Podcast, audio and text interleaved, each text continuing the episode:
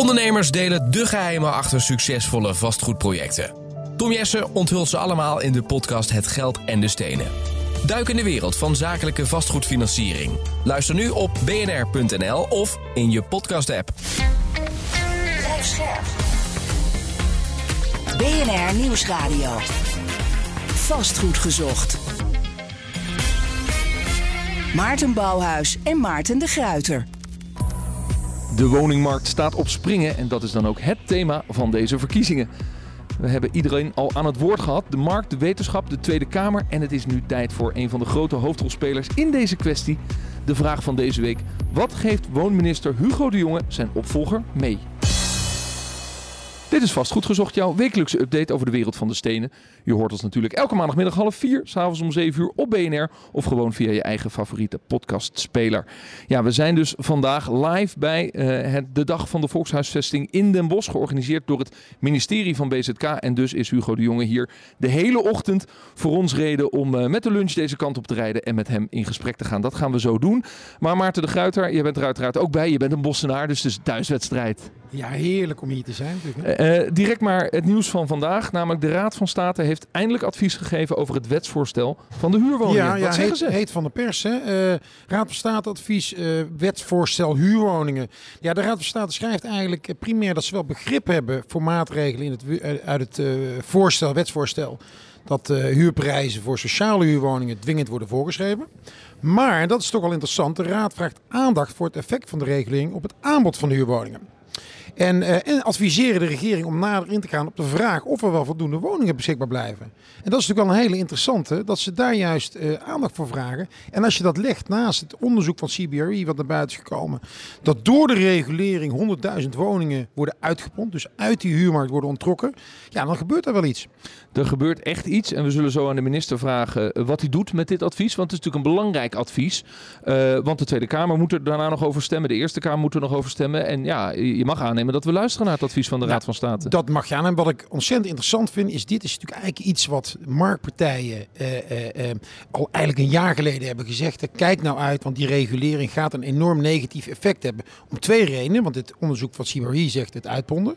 Maar wat de Raad van State met name ook zegt, die hebben het niet zozeer over het uitponden, maar die hebben het met name over buitenlandse investeerders of investeerders in zijn algemeenheid die niet meer gaan investeren in woningen.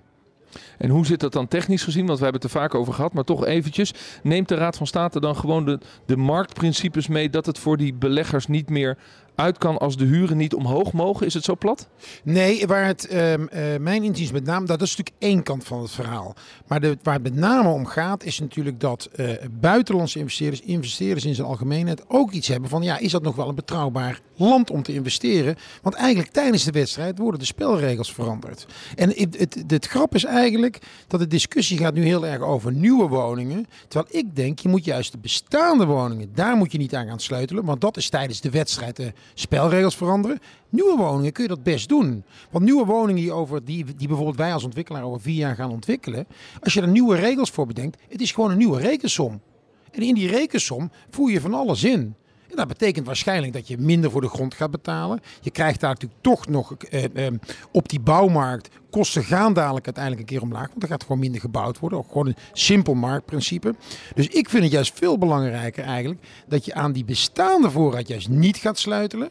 Want dat is nou juist waarom mensen het onbetrouwbaar vinden. In de toekomst kun je best sleutelen. Ja, want de Raad van State zegt ook, we hebben advies, we hebben begrip voor het uh, idee van de maatregel uit het wetsvoorstel dat de huurprijzen voor sociale woningen dwingend worden voorgeschreven. Ja, voor sociale woningen. Ja, maar ja, wat, wat is dan in deze sociale woningen? Is een woning van 1100 euro een sociale woning? Nou nee, niet, volgens de norm, normen niet natuurlijk. Nee. Dan hebben we het over middensegment. Vastgoed gezocht.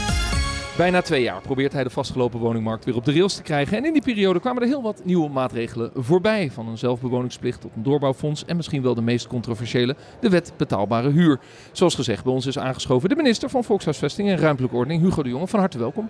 Goeiedag. Um, ja, direct maar even uw reactie op dat advies van de Raad van State. Uh, waar Maarten en ik het net over hadden. Wat gaat u ermee doen? Heel goed bestuderen. En ik denk dat we de genoemde zorgpunten heel prima kunnen ondervangen. Kijk, waar het om gaat bij de Raad van State is dat men zegt... ja, als je voor de huurder kiest, consequent voor de huurder wilt kiezen... dan is het ook zaak dat er voldoende huurwoningen zijn. Dus als, als een wetsvoorstel om, om de huren te willen reguleren leidt tot minder investeringen, of als dat zou gaan leiden tot het uitponden van woningen, ja, doen we dan wel de goede dingen. Nou, dat is een herkenbare zorg natuurlijk. En ik denk dat we een aantal maatregelen ook in de, in de, in de planning hebben om daar uh, een oplossing voor te bieden. Bijvoorbeeld de nieuwbouwopslag. Er zit nu in het wetsvoorstel zit een nieuwbouwopslag om die plannen, die anders economisch niet meer rond te rekenen zouden zijn, alsnog gebouwd te laten worden. Die nieuwbouwopslag die gaat omhoog om daarmee uh, die woningen die, die gebouwd kunnen worden, omdat ze al vergund zijn, maar net niet meer rondrekenen met dat nieuwe wetsvoorstel, alsnog te bouwen. Ja. En het woningwaarderingsstelsel ja. is zo aangepast dat nieuwbouw uit blijft kunnen. Dus ik denk dat we echt voldoende mogelijkheden hebben om de zorgpunten te onder, ondervangen. Maar betekent dat dat het wetsvoorstel aangepast zou kunnen worden, ook kijkend naar de bestaande bouw, om daar iets meer ruimte te geven, zodat die angst die de Raad van State uitspreekt en die beleggers al twee jaar lang uh, twee jaar uitspreken, dat je die zou kunnen wegnemen? Nou, het is goed om daarbij stil te staan. Kijk, wat, wat ik wel heel erg veel terughoor van beleggers is de zorg over het risico van uitponden.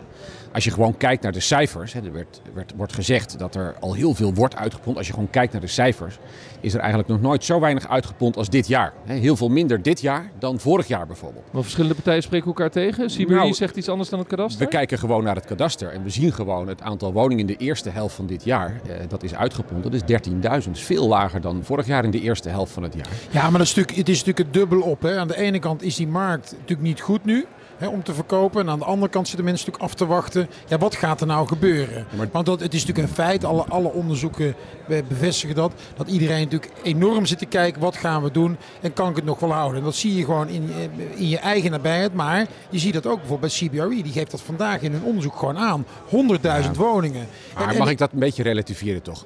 Dat is geen echt onderzoek. Hè. Dat is een voorspelling voor over 20 jaar tijd. Moet je even kijken wat er de afgelopen 20 jaar allemaal is gebeurd op die vastgoedmarkt. De meest meest bepalende factor is daar natuurlijk de rente. Nou, door die lage rentes zijn de marges natuurlijk enorm geweest in het, uh, in het vastgoed de afgelopen jaren. Het, het, vastgoed is in prijs gestegen van 2015 tot nu met 80 procent. Ja, maar dat is, dat, is, dat is toch niet waar dat die marges zo gestegen zijn? Ja. Alles is meegestegen. Ja, maar het is, je moet toch uitkijken met het goochelen met cijfers. Hè? Ik hoor je ja. net in de zaal hoor ik jou zeggen, uh, als je nu een nieuwe huurwoning betrekt, die, die prijzen zijn 10,9% gestegen. Ja. Iedereen zegt O en A. Dat is gewoon, dat is gewoon de, de, de, de, hoe heet het, de dingen die gewoon gestegen is. De, de inflatie. inflatie. Ja, maar, ja, maar je kunt toch niet, als je nou kijkt naar de middenhuur in Amsterdam of de middenhuur in Utrecht, die bestaat feitelijk niet meer. Dat is allemaal dure huur geworden. Je betaalt voor een woning met een paar vierkante meter, betaal je de hoofdprijs. Hm. Dus laten we nou niet doen alsof het een nee, normale maar, situatie nee, maar is op dit moment Als we gewoon naar de cijfers kijken, betekent, zie je een paar dingen. Gewoon CBS-cijfers. Bijvoorbeeld, de huurstijging in zijn algemeenheid is meegegaan met de lonen. Daar is niks anders mee gebeurd. En als je gaat kijken naar het betrekken van nieuwe woningen, die 10, zo waar je het over hebt, dat is gewoon, als je gaat kijken, is gewoon inflatie. Inflatie heeft dat ook dit jaar gedaan. Dus als ik een woning te verhuren heb, zijn mijn kosten ook gewoon meegegaan. Dus waarom zouden, als de lonen 10% gaan stijgen, waarom zouden de huren dan niet kunnen stijgen? Omdat de huren in de afgelopen jaren al kop over kop zijn gestegen. Nee, dat, dat, is niet waar. Dat is gewoon kijkt, niet waar. Jawel, als je kijkt naar wat, wat middeninkomens kunnen betalen. En als je kijkt wat ze moeten betalen in een middenhuurwoning, dan kun je gewoon zeggen dat middenhuur, middeninkomens gewoon op een geweldige manier in de, in de knel zijn gekomen. Dat met name in de grote steden de middenhuur nauwelijks meer bestaat. Als wij niet consequent de komende periode de kant van de huurder gaan kiezen, die schaarste hebben we echt niet zomaar opgelost, al zou je het willen. Als we niet consequent de kant van de huurder gaan kiezen, gaan middeninkomens nog meer in de knel raken. Okay, dus de, nee, de, de, de, kant van de, huurder willen we, de kant van de huurder willen we allemaal kiezen. Maar feit dat is dat het niet gebeurd is in de Nee, maar dat willen we allemaal. Want dat is ook de klant van de, dat is mijn klant uiteindelijk, dat is de klant van de belegger. Dus dat wil iedereen kiezen. Alleen de vraag is of je door regulering, waarbij je denkt, ik help ze, uiteindelijk het tegenovergestelde gebeurt. Er is namelijk, komt geen nieuw aanbod bij. En dan uiteindelijk ja, en, en help je helemaal niet. En, en Maarten, en dat is uh, wat de Raad van State dus uh, in voorzichtige bewoordingen wel opschrijft, meneer de Jonge. Zeg, ja, we moeten echt oppassen dat het geen invloed gaat hebben op het aanbod. Ja. Uh, betekent het nou dat u toch kritisch gaat kijken om de wet aan te passen om te zorgen dat je dit kunt wegnemen? Nou, eigenlijk zegt de Raad van State op een aantal punten zul je de onderbouwing beter moeten doen. En dat gaan we dus ook doen. Uh, maar die regulering van de middenhuur is echt noodzakelijk. Als je de kant wilt kiezen van de huurder, van huurders met een middeninkomen, en dat willen alle politieke partijen, dan ja. zul je de middenhuur dan moeten je iets moeten doen. Oké, okay. ja, maar, ja, maar, even, maar ik wil toch, nee, ik wil toch even vragen, want ik vind, het niet, ik vind het geen helder antwoord, omdat we het gewoon van de site van het ministerie af hebben. En daar staat niet, ja, de onderbouwing moet anders. Daar staat gewoon, daar lees ik, dat het, het gevaar is dat beleggers weglopen. Dat, dat lees ik op jullie eigen site. Ik denk dat je bedoelt de website van de Raad van State. Dus dat is het advies dat wij hebben gekregen van de Raad van State. En dat advies gaan we bestuderen. Ja. En, de Raad van State geeft een aantal zorgpunten aan. Dat zijn ook herkenbare zorgpunten. Die zijn ook niet voor het eerst naar voren gebracht. En daar hebben we denk ik een hele goede eh, onderbouwing voor. En een hele goede eh, manier ook om dat te kunnen ondervangen eh, de komende periode. Ja. Zodat we zorgen dat marktpartijen kunnen bouwen. Want begrijp me niet verkeerd. Kijk, er wordt wel eens al te makkelijk aan de linkerkant van de Kamer gedacht hè, dat, eh, dat bouwers ook eh, voor verliesgevende tarieven kunnen bouwen. Dat is natuurlijk niet zo. Eh, en een hele perfect gereguleerde woning die vervolgens niet wordt gebouwd, daar help je huurders natuurlijk ook niet mee. Dus wij zorgen dat we de regulering van de middenhuur zo doen dat het blijft lonen om te investeren in, in nieuwe middenhuurwoningen. En daarom neem ik dat rapport van eh, CBRE ook met een korreltje zout. Zij zeggen er gaan heel veel woningen worden uitgepompt. Mijn stelling is er gaan heel veel meer woningen erbij worden gebouwd. Dat is mijn stelling eh, in de manier waarop wij de middenhuur gaan reguleren. Oké. U bent bij ons te gast. We zitten twee dagen voor de verkiezingen. Het kabinet is demissionair. Eh, ehm, ik wil heel graag met u toch eh, eventjes naar die afgelopen twee jaar kijken. En beginnen met een compliment. Want vanuit de hele wereld van de woningmarkt, vastgoed, zegt men eigenlijk hè hè. We hadden eindelijk een minister voor ruimtelijke ordening. We hadden een minister voor wonen. En u heeft ongelooflijk veel in gang gezet. Dat is een feit en dat is wat iedereen ons aangeeft. Tegelijkertijd heeft u dat gedaan in een periode waarin de wereld veranderde. Anders dan dat we allemaal hadden gewild. Laten we eerlijk zijn. Er breekt een oorlog uit. Er is een enorme schaarste. De rente gaat omhoog. Eh, en alle maatregelen die u heeft ingezet, heeft u onder dat gesternte gedaan. Ik geef het u te doen.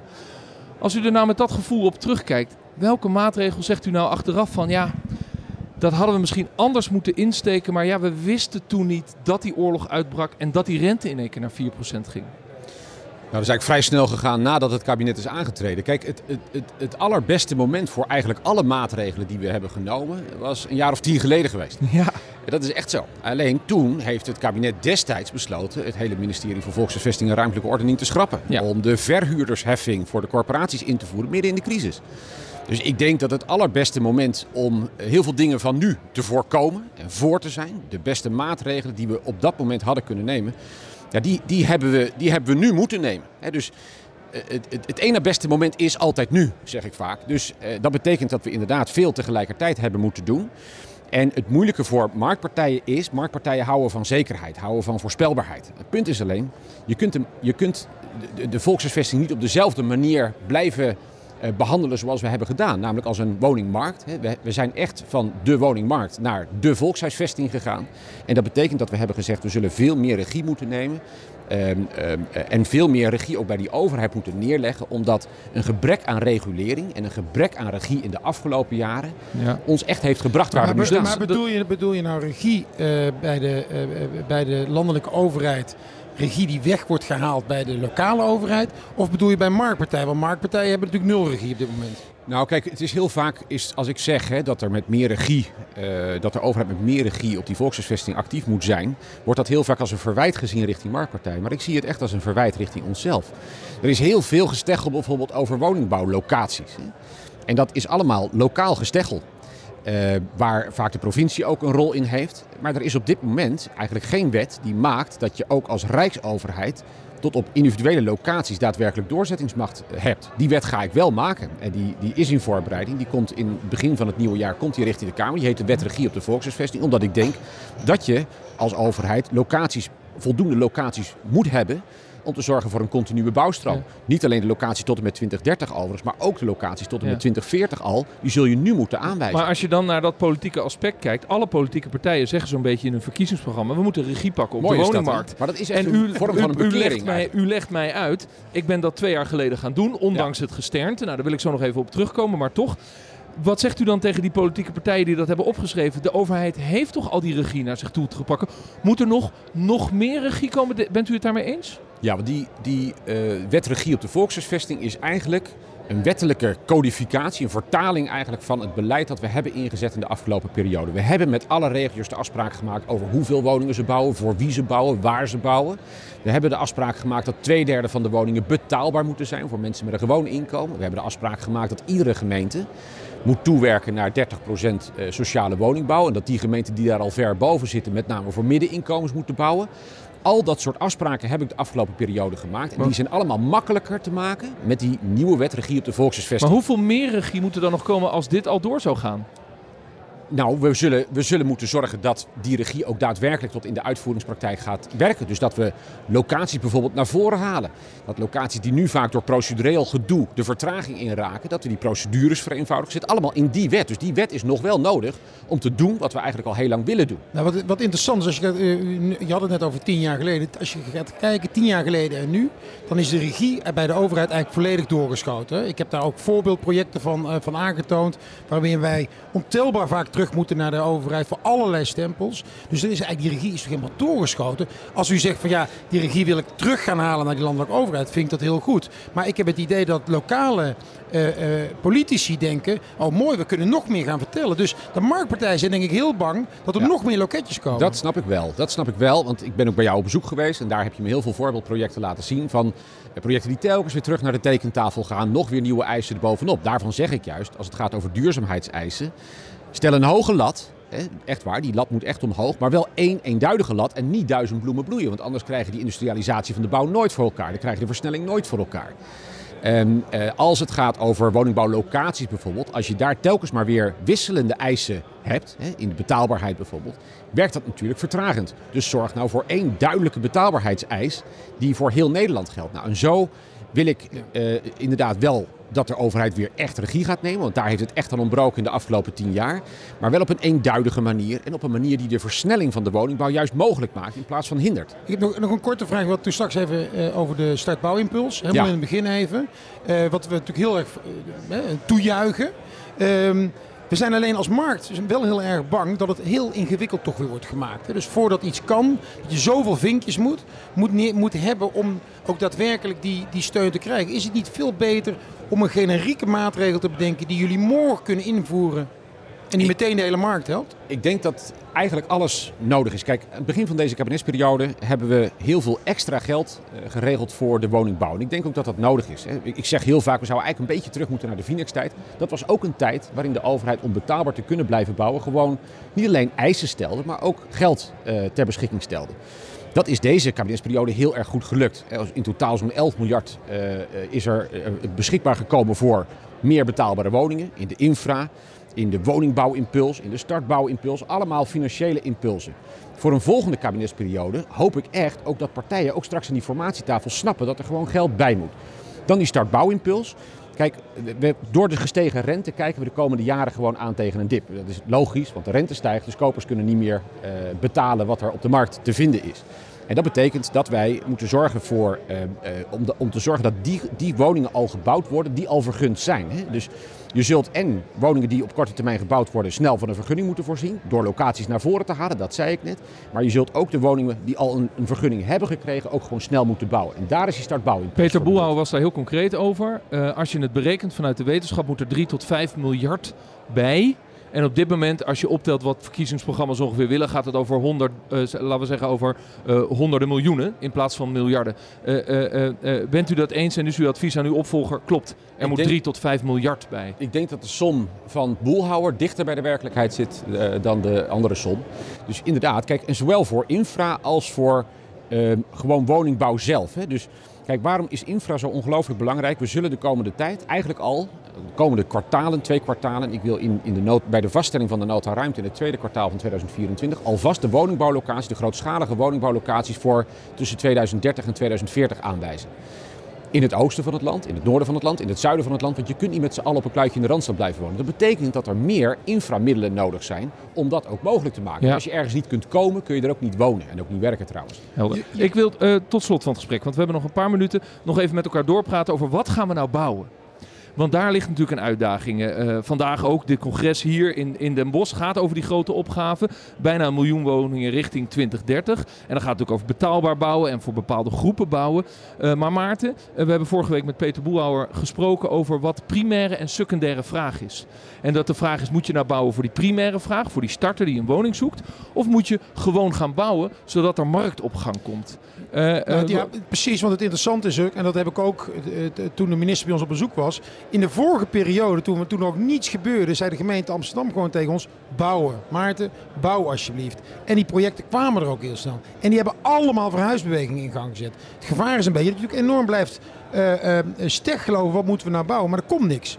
Hoe zou, je nou, hoe zou het nieuwe kabinet uh, uh, duidelijk beleid moeten maken waarin je durft te bouwen voor wat wij noemen de secundaire vraag. Zodat je een doorstroming op gang gaat brengen. In plaats van maar die focus op die starter en die jonge gezinnen en die grondgebonden woningen gaan bouwen voor kleine gezinnetjes. Waar we er al heel veel van hebben in Nederland. Je moet bouwen voor de doorstroom. En bouwen voor de doorstroom betekent bijvoorbeeld bouwen voor ouderen. Dus wij, wij programmeren het zo dat een derde van alle woningen die worden gebouwd geschikt zijn voor ouderen. Waarom? Omdat je dan inderdaad doorstroom op gang brengt.